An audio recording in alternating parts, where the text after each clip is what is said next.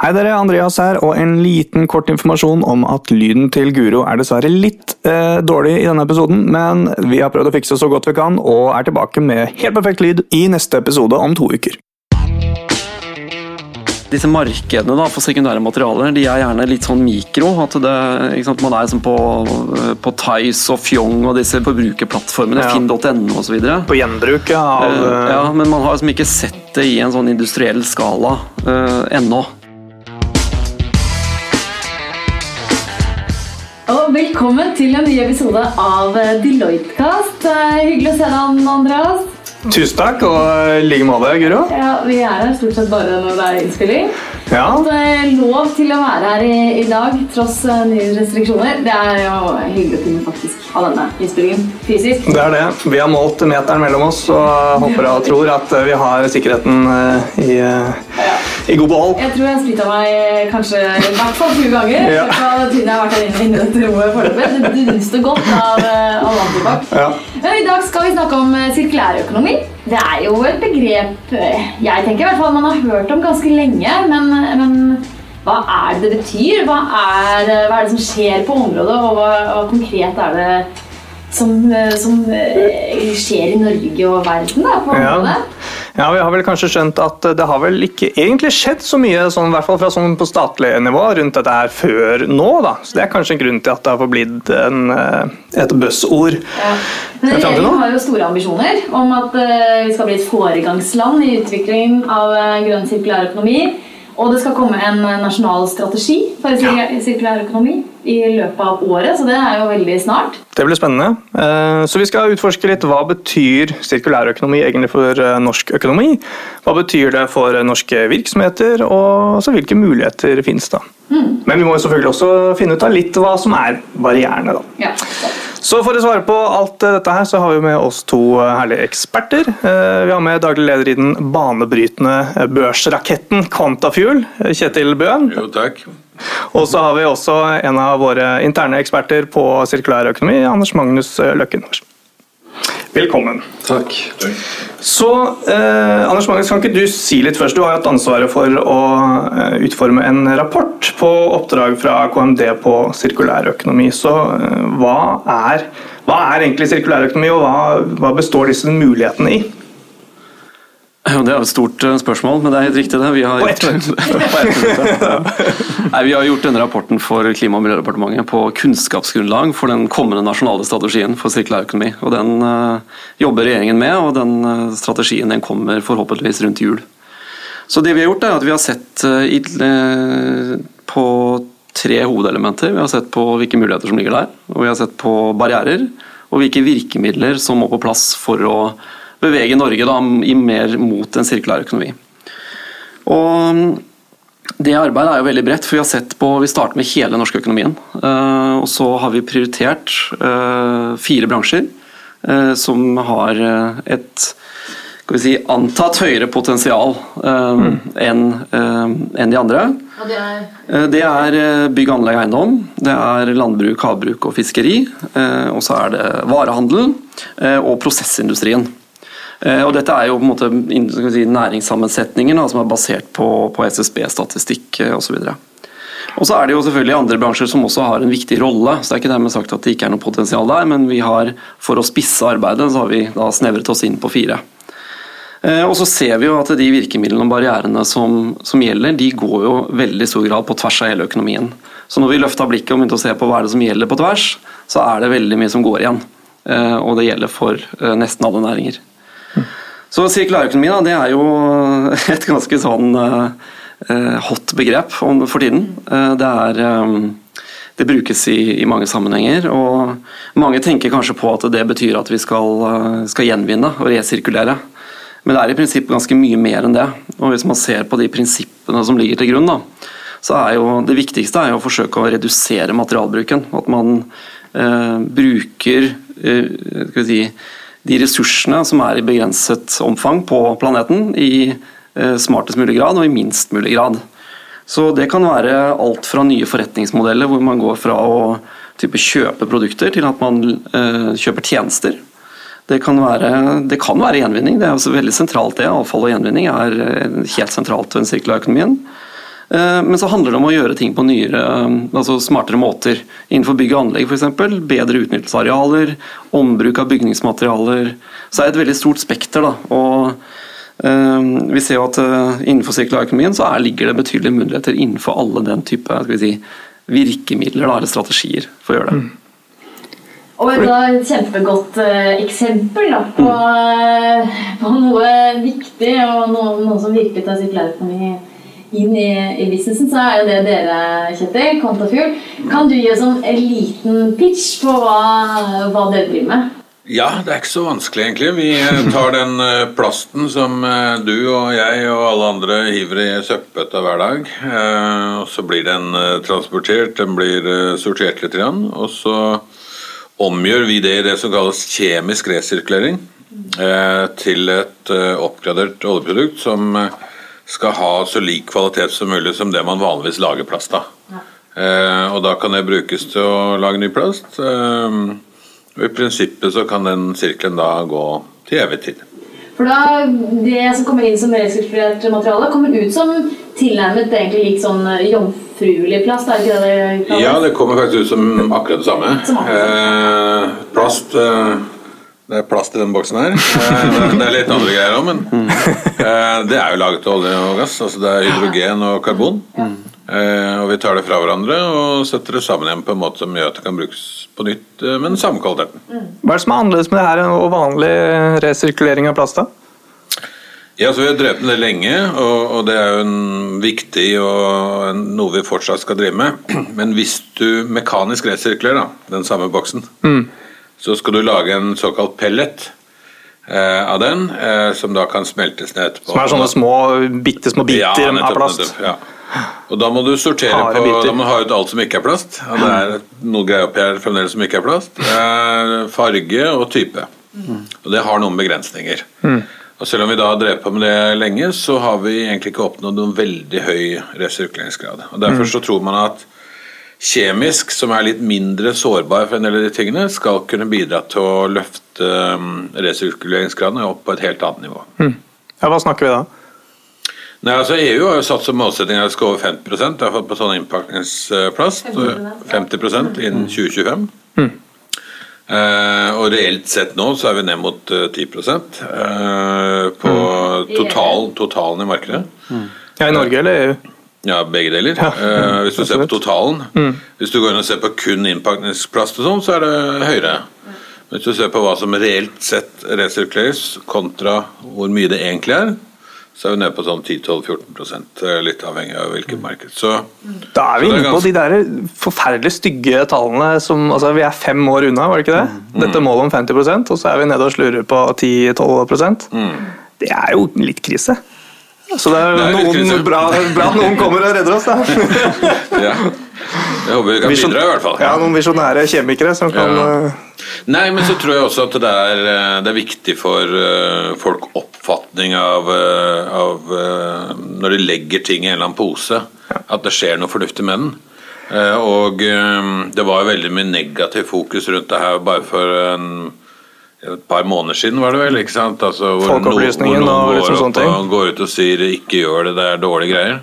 Jeg kjenner ganske mange jeg, som, som, ble litt motløse etter å ha sett den uh, Folkeopplysning-episoden. Nei, plast det er jo ikke noe vits, det blir jo bare sendt til Tyskland eller det blir bare brent uh, uansett. og Um, så det kjenner jeg at det er ganske viktig at vi får uh, gjort noe med ganske uh, asap.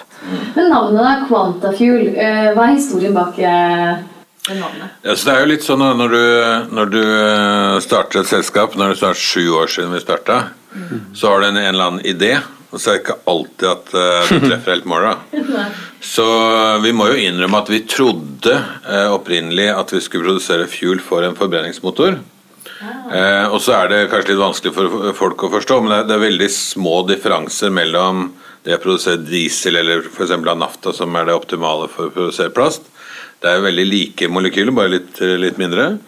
Um, og det skyldtes at for tre-fire år siden, eller for så vidt ennå, så var det definert uh, marked på fuel, altså for biofuel. Europa hadde allerede bestemt seg for at vi skulle ha, bruke biofuel. Uh, og det var et uh, marked for det. Så Så vi satsa på det og kalte oss sjøl Kvantafuel. Eh, men så har vi sett det de siste to årene at eh, hvis vi skal på en måte få tak i de store fraksjonene, hvis vi skal være en del av den sirkulære økonomien, så må vi lage plast. Så vi får kanskje se da om vi må kalle oss noe annet etter hvert. Jeg tenker det er en oppskrift på en god, eh, en god vekstbedrift da, som klarer å pivotere etter hvor eh, markedet faktisk er. Så det Ja. er derfor navnet etter hvert kommer Ja. etter, kanskje. Ehm, dere har jo fått veldig mye, og det er veldig store forventninger til det. Eh, hvordan, hvordan føles det å være i denne posisjonen? Med sånn børsrakett? Det er bedre det enn å ikke være den, da. Hvis jeg snur det på hodet. Nei, altså det, det er jo selvsagt veldig hyggelig, og, og innimellom så kjenner man jo litt på det, naturligvis. Eh, Men, eh, men det gir oss jo også veldig muligheter som bedrift, da. Ikke sant? Altså vi evner å finansiere selskapet. Eh, Vi har fått et verktøy som vi kan bruke. Eh, Eh, Både til finansiering, men også se på å utvide verdikjeden vår eh, i, i alle retninger. Så, så vi må jo da evne å, å bruke den tilliten vi har fått i markedet, til å utvikle selskapet og skape mest mulig verdier for våre aksjonærer. Hva mener du når du sier at vi har fått et verktøy? Hva tenker du på det? Nei, Vi har et selskap som nå vil ha vært eh, 7 milliarder kroner, og det er en valuta. Eh, da, hvis du mangler en eller annen teknologi, da, nå håper jeg vi ikke gjør det, men, men hvis det kommer ting som passer inn i vår verdikjede, da, enten på logistikksiden eller at det er andre eh, sirkulære plattformer som, som vi kan ha nytte av, eller vi kan ha en optimalisering av å samarbeide med, så, så kan du bruke den valutaen til å rett og slett kjøpe selskaper. Dere, Eh, så, så det ser vi aktivt på. sikkert på samarbeid også, så handler det på en litt annen hylle på hvem, hvem som står klar til å Det samarbeide. er klart det hjelper jo og at folk har hørt om deg før når du ringer. Ja, Så, ja. så det, Kan ikke skade det. det Hva tenker du, Anders Magnus, Hvor viktig er Kvantafugl i å løse sirkulærøkonomikoden i Norge? Jeg tror sånne eh, si, nye løsninger som klarer å se muligheter på tvers av eksisterende verdikjeder, og det er eh, noe av nøkkelen til det. Eh, vi opererer veldig i silo i dag, og det er en av de barrierene vi ser også. At det er, eh, liksom man har sektorpolitikk, næringspolitikk, som er veldig rettet, og virkemidler som er rettet inn på, på, på siloer i økonomien. Og det å klare å bygge en bro da, mellom eh, avfallsbransjen, så, som dere gjør, og over i ja, er det petrokjemisk industri, kan man kalle det. eh, Å lage plast. Eh, Det er jo interessant. Og det synes jeg også er veldig spennende det at dere har også sett på samarbeid i videre ledd i verdikjeden, ikke sant? med BASF osv., som dere har også kommunisert mye ut. Så den, den måten å tenke på er jo på en måte det som ofte etterlyses da, i den nye sirkulærøkonomien. Hvordan man kan samarbeide på tvers av og videre oppover og nedover i verdikjeder. Mm. Hva, hva vil det si at man skal f.eks. utvide samarbeidet mot BASF? Hva- Altså, vi har jo valgt en uh, modell hvor vi har valgt oss noen samarbeidspartnere. Eh, og det er mange årsaker til det. Uh, det. Det kommer til å bli et stort marked det her. Det kommer til å være mange store aktører. Altså Shell har annonsert de skal inn, Neste har annonsert at de skal inn. Og, og da tror vi at hvis vi skal evne å flytte oss så raskt som overhodet mulig, så står vi oss bedre med å samarbeide med noen av disse selskapene. Da har vi valgt Vitol, som mange vet, som er eh, verdens største logistikkselskap og trader innenfor energi. Også eier masse raffinerier og osv. Og, og BASF, som er verdens største kjemikalselskap. Mm. det er klart at Jeg har eh, 38 ansatte i Norge og 22 i, i Danmark. Det er 60 veldig flinke mennesker, men de har 122 000. Så hvis du da trenger en, en eller annen ekspert på høytrykksventiler, så er det, det er vel så sannsynlig da kan vi si, at du finner det i BASF som, som hos oss.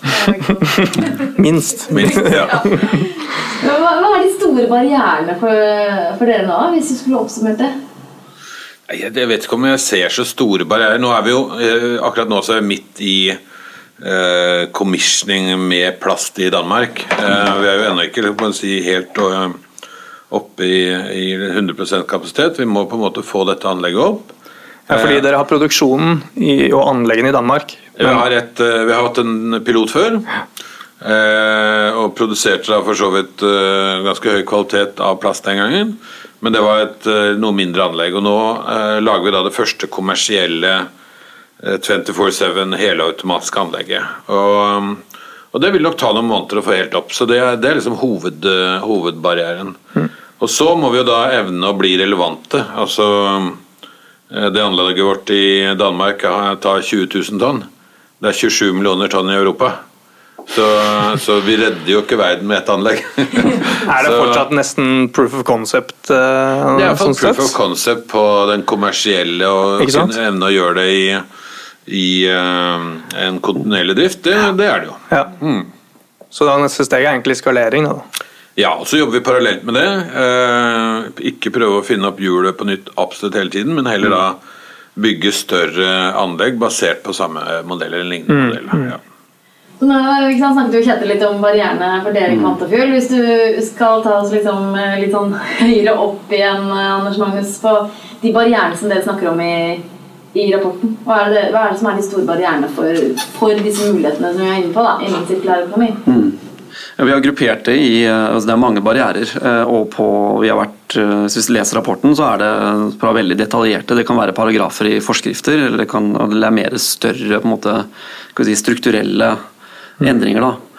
Men det vi har, det vi har på en måte oppsummert med, da, som gjelder på tvers av alle uh, bransjer, er jo at det er en rekke regulatoriske og politiske barrierer.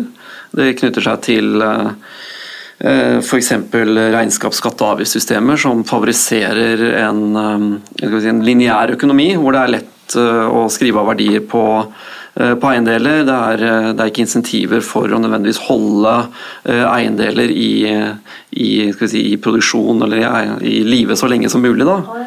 og da snakker du om selve ressursen nå? At, ja, liksom, man bytter ut fortere enn man kanskje må. Da. Ja. og så er det jo typisk at det, det finnes altså Prinsippet om forurenser betaler er jo et veldig sentralt prinsipp i all miljølovgivning. men vi ser jo altså at Eh, produsentansvarsordninger og andre miljøavgifter kanskje ikke i stor nok grad eh, legger til rette for det. da. Så I Norge i dag så er det jo nå blitt foreslått en avgift på, på CO2 på forbrenning av avfall f.eks. Eh, og når den trer i kraft, så kan jo den kanskje skifte mot at noen tar valg og ikke brenner det avfallet, men, men sender det til gjenvinning isteden. Som jo da vil øke materialgjenvinningsgraden.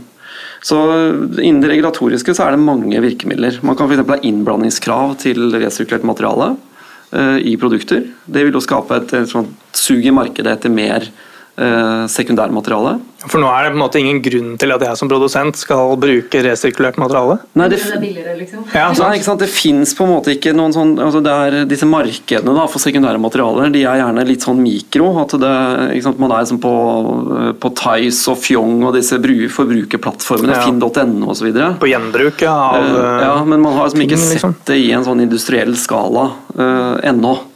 Uh, og det, Grunnen til det, og tilbakemeldingen vi får, er at det er veldig mange som Eh, som vegrer seg og sier at denne investeringen tør ikke vi ta alene. Det er for stor risiko per i dag. Det er ikke lønnsomt. Så myndighetene er jo de som kan uh, skape regelverk som ligger til rette for den type virksomhet. Da. Så det er en veldig viktig barriere. Snakker du nå om en virksomhet som hadde lagt til rette for kjøp og salg av brukte eiendeler, liksom? Er det det du snakker om? På ja, det, det, kan være mye bred, bredere enn det. Ja. Det kan f.eks. være eh, ja, sånn som Kvantafugl, hvor man, man tør å investere ganske tungt i teknologi for å ta noe fra én verdikjede, som er et avfall, mm. og bringe det over i en annen verdikjede. Og Vi ser det f.eks. I, i andre eh, bransjer også. Eh, gjenvinning av bygningsavfall. Hvis dere har fulgt med på NRK nå det siste, så var det de som hadde pussa 6000 murstein. ikke sant? Eh, hvordan kan man få den type eh, Ikke dermed sagt at det er akkurat det man skal satse på, men hvordan kan man få den type forretningsmodeller til å være lønnsomme, da, framfor det å bare kaste dem og kjøpe nytt?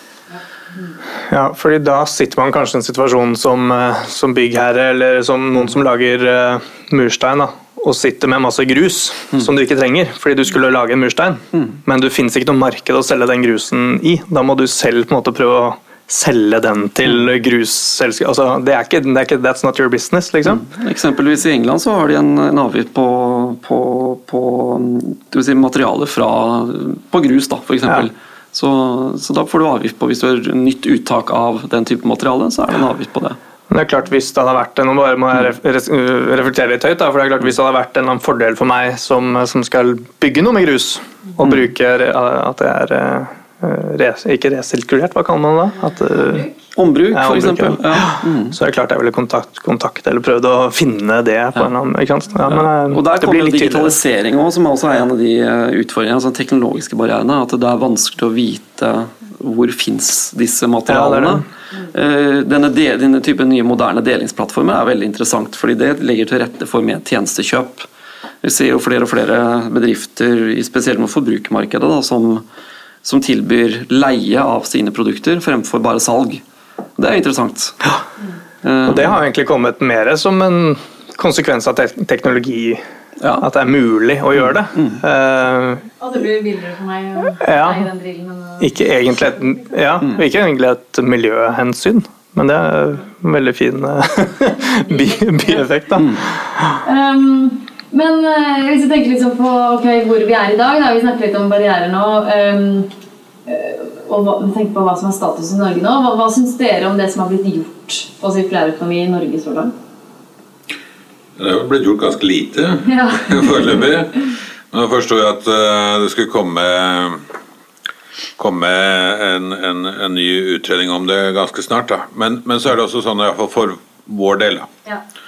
Eh, så har jo da EU nå kommet med en skatt på ny plast. Eh, de har kommet med CO2-avgifter for eh, forbrenning. Mm.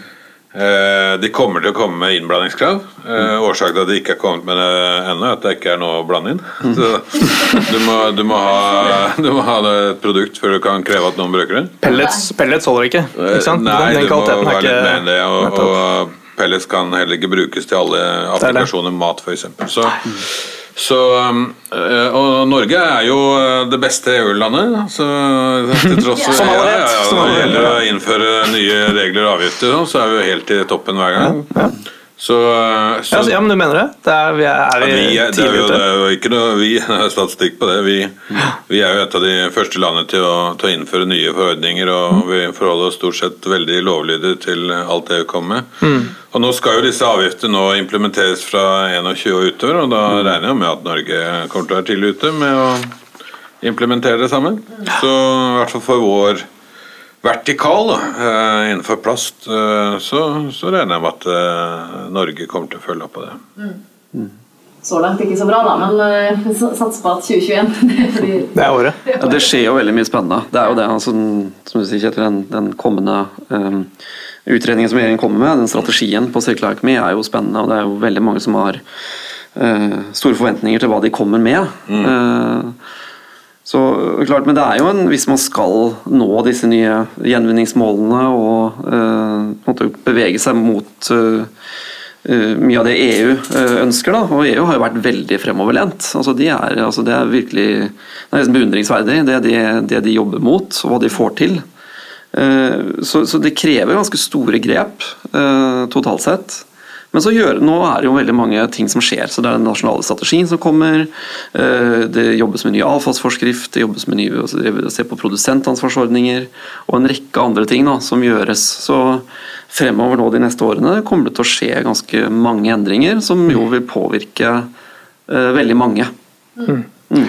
Ja, for Det var noe vi snakket om i den forrige episoden vi hadde med deg, om, eh, om plast. Det med bl.a. produsentansvar. Da. Mm. At du må selv sørge for at, uh, at materialet blir brukt uh, på riktig Eller at, Det ene er jo at masse emballasje blant annet, er blandingsprodukter som ikke kan resirkuleres på en så god måte. er ikke det?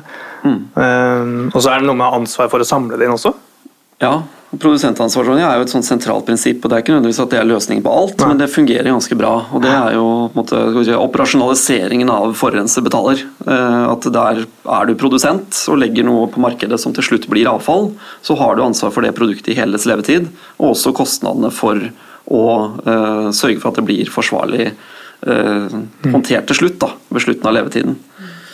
Men vi har jo altså, vi har i Norge hatt eh, når det gjelder plast en ordning siden 80-tallet. Altså den mm. Grønnpunkt og, og den resirkuleringen som har vært der. Mm. Eh, hvor man da tross alt eh, har greid å resirkulere en, en, god del av noen plastfraksjoner. Mm. Um, Plastflasker f.eks. er jo veldig, veldig Ja, det, det, det er også et uh, godt eksempel fra Norge. Da, ikke sant? Mm. Det, det, gjør man jo ikke alle steder. Så, så, sånn sett har jo vi vært uh, ganske tidlig og bra ute akkurat når det gjelder uh, plast. Mm. Og så, så, snakker man da om blanda plastfraksjoner. da.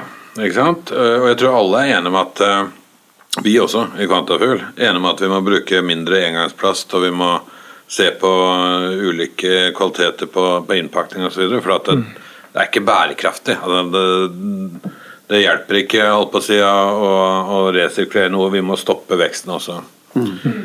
Men det er også et annet problem når det gjelder disse blanda produktene. Det er en årsak til at de er blanda.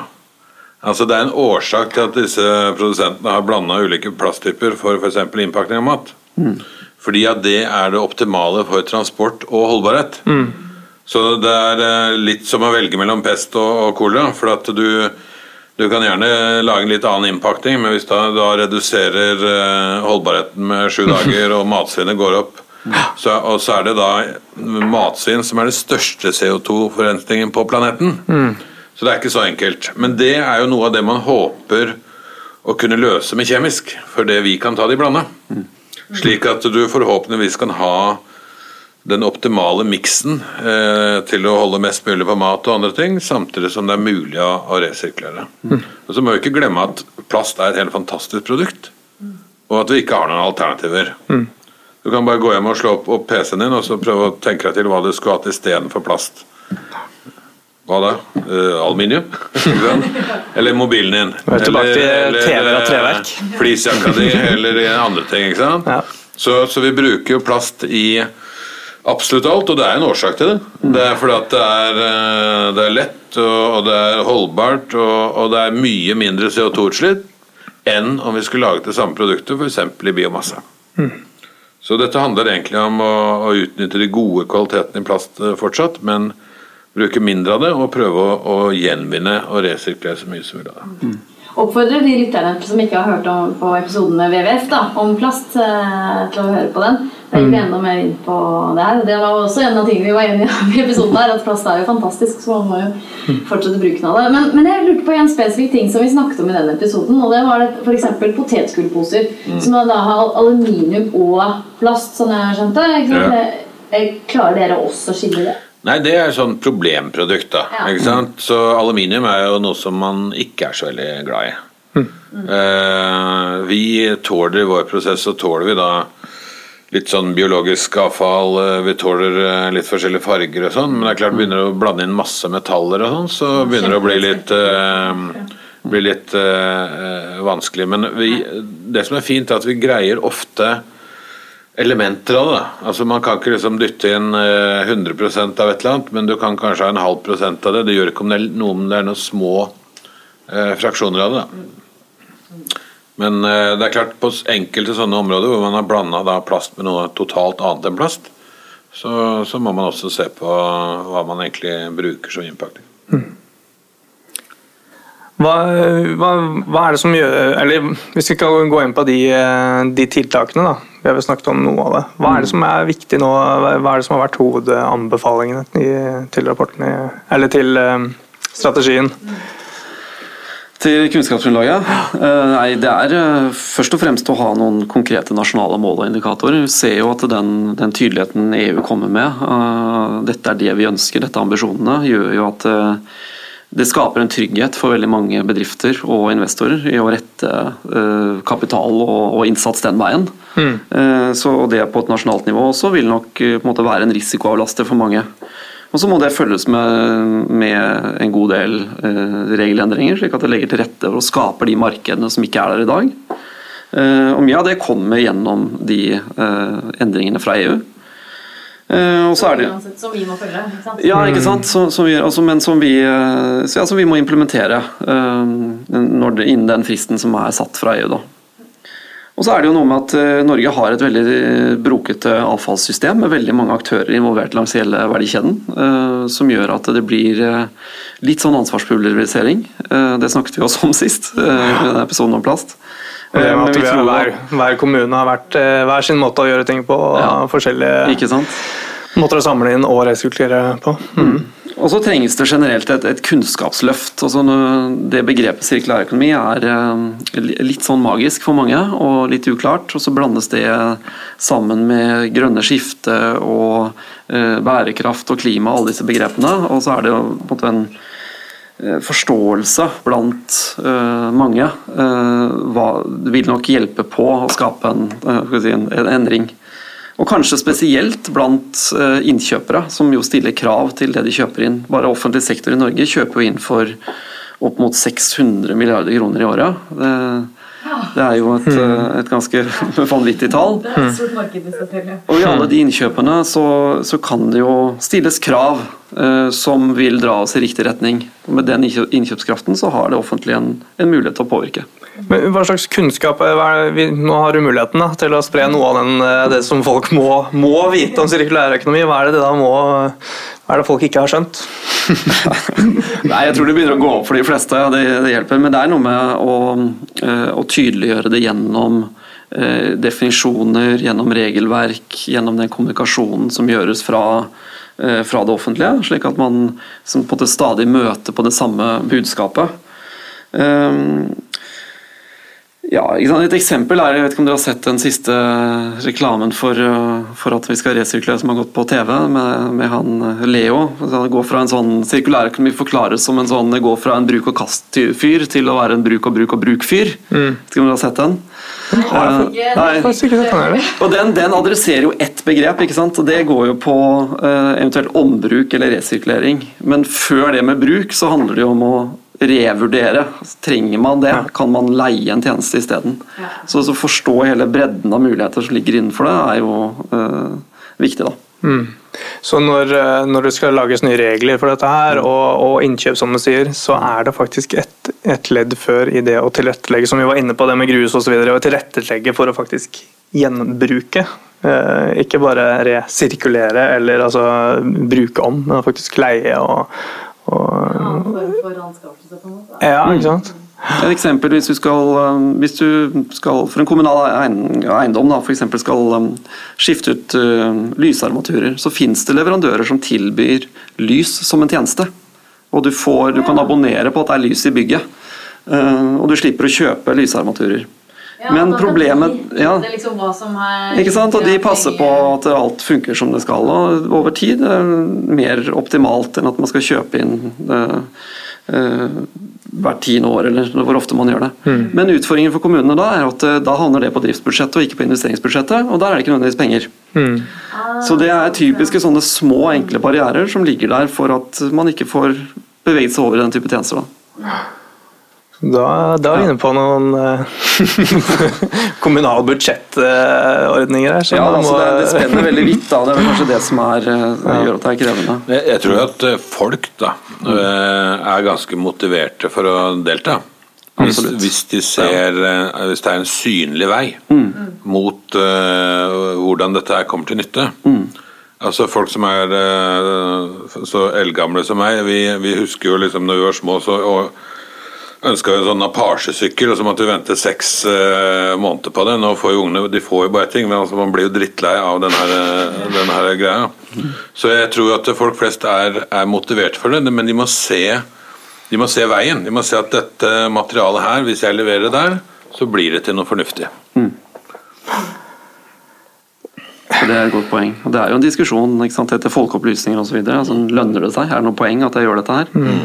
Så og jeg tror jo det er jo en utfordring i dag, med, spesielt på gjenvinning, da, som du var inne på, Kjetil. at Det er, det er jo lite som blir gjenvunnet. Det er vanskelig å gjenvinne. Det blir, hvis det blir gjenvunnet, så blir det kanskje pellets, og så, så, blir det til noe som har en ganske mye lavere verdi enn det det opprinnelig hadde. Da. Mm. Så det er ikke recycling, det er downcycling.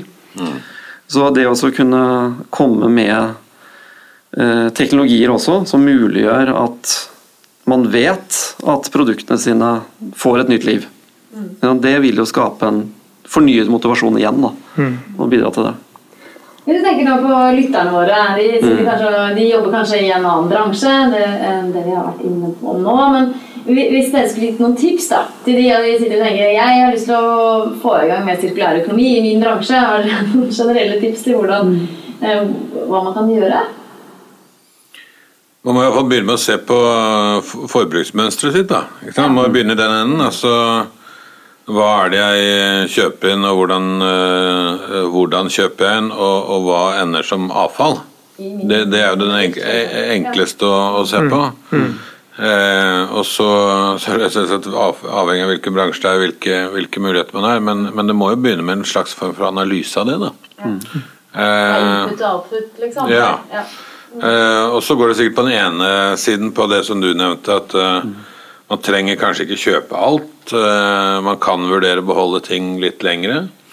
Eh, vi eh, flytta til et nytt kontor nå i mars, eh, akkurat da hele landet stengte det. Da skulle vi jo åpne nytt kontor. Men vi var jo da inne på Finn, da, f.eks. Ja. Og kjøpte en god del ting der, istedenfor å da gå og kjøpe nytt. Og Det følte vi at var riktig for oss, riktig for oss som, som selskap, og det fungerer helt utmerket. Mm. Mm. Lurt. Har du noen andre tips? Jeg tror jeg har vært inne på det, det meste. Men det er, det er, jo en utfordring eh, som enkeltbedrift i dag å gjøre store grep. Eh, men det er som du sier, at man må begynne med seg selv og se på sitt eget eh, forbruk. Der er det sikkert mange som har mye å hente. Så kommer det snart kraftige insentiver som gjør at man bør gjøre det enten man vil. Ja, det er det jo. Og så er det jo spennende å se på den type samarbeid på, på tvers. Da, at man ser nye konstellasjoner og nye forretningsmuligheter i, i samarbeid. Uh, det er, det er, interessant. Så der er det mange ja, ikke sant? Der er det mange vi har snakket med som sier at uh, her ligger det noen muligheter. og uh, Tenke litt kreativt på hvem er egentlig leverandørkjeden min. Kanskje det er noen nye der som mm. Eller leverandør eller kunder, da. Ja. Mm. Mm. mm. Har vi egentlig noe, liksom sånn, eh, noe gründermiljø eller noen andre startups eller interessante ting som skjer rundt dette her, eller er det liksom Quantafuel som er eh, det ene store som, som har vært av nærme? jeg, jeg skulle kanskje svart ja, men eh, jeg tror det er bra for oss at, at det, det, er, det, er, jo ikke bare det. Det er ganske mye sånn som, som skjer, og en av de tingene som er litt spennende for Norge, er jo da hydrogen. Eh, fordi, og Det skyldes jo at skal du lage grønn hydrogen, da, mm. så må du være i et marked som har fornybar energi. Og vi er et av de få landene på denne planeten som har 100% fornybar energi. Eh, det er veldig vanskelig å hevde at en hydrogen er grønn hvis du har 50 eh, av strømmen fra kullkraftverk. Mm. Da er det bedre å bruke en strøm fra kullkraftverk enn å tape masse effektivitet på å lage hydrogen. Mm. Så og så har vi en annen ting i dette landet, at vi har masse såkalt trapped, det ble veldig internasjonalt og flott her, da, men, men eh, energi som man ikke får benytta. Fordi at det ikke finnes infrastruktur. Det står eh, masse vannkraftverk rundt omkring i Norge som sender vannet sitt forbi turbinen. Mm. Eh, der de heller kunne lagd energi, men de har ikke noe sted å gjøre av den energien. Er fullt? Uh, ja, så Det er ikke noe overføringsnett til å sende strømmen. Du kan ikke lagre dem på noen måte.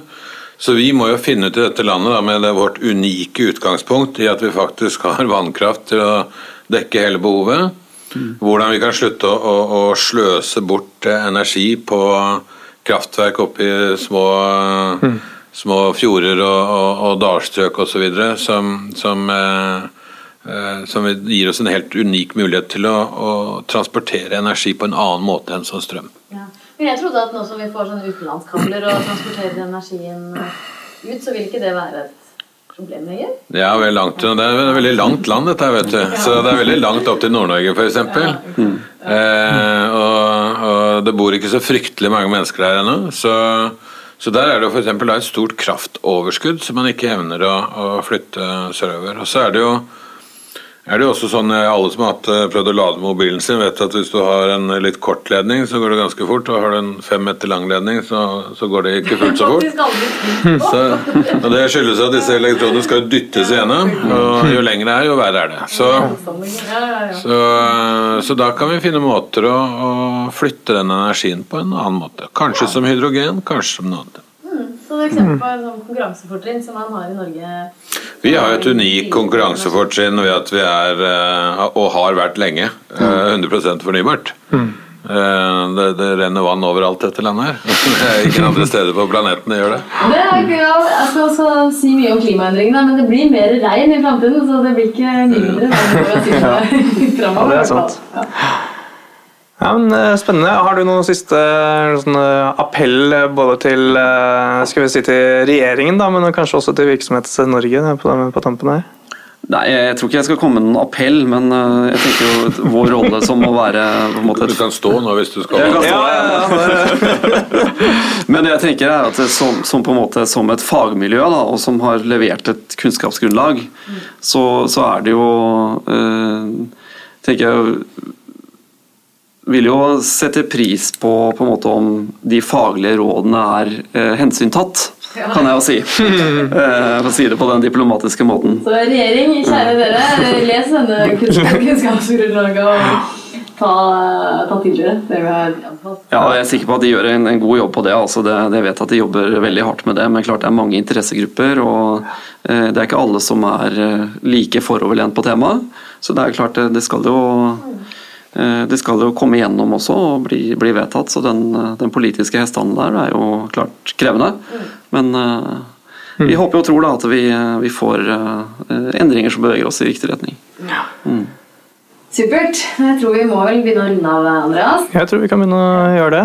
Men veldig spennende å, å, prate med dere og lære litt mer om hva sirkulær økonomi egentlig handler om. og Håper at det har blitt litt tydeligere for folk. Og med et konkret eksempel på noen som virkelig er midt eh, i det. Det var ja. kult å høre mer om dere, Kjetil. Det, det, er jo viktig å, å, ta med seg det at det, det, handler jo ikke kun om resirkulering, dette her. og at akkurat eh, Selv om vi har eh, plast som eksempel her, så er det noe med at vi kan alle bli flinkere på å tenke sirkel i alt vårt forbruk. Ja rett og slett. Eh, både på arbeidsplass og, og privat.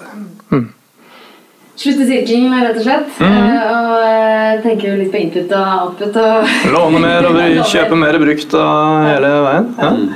Nei, men Tusen takk for at dere kom, Kjetil og Anders Magnus. Mm. da får vi vel bare runde av som vi pleier, Andrea. Ja. Dere må gjerne sende inn råd og tips til nye Ja, spesielt råd. Vi vil, vi vil veldig gjerne ha litt Jo, jo. Mm. Jo, jo, hvorfor ikke? Tilbakemelding, da. Ja, god tilbakemelding. Og, og ideer til uh, ja. episoder dere ønsker å høre. Ja. Um, til podkast.deloitte.no. Ja. Ja, ja, og ellers bortsett fra det så kommer det en ny episode om to uker. da, Så det er uh, alt som normalt her. Og så får vi bare si takk igjen for at dere tok turen. Uh, med en meters avstand. Ja. og vi høres snart igjen. Yes, vi høres.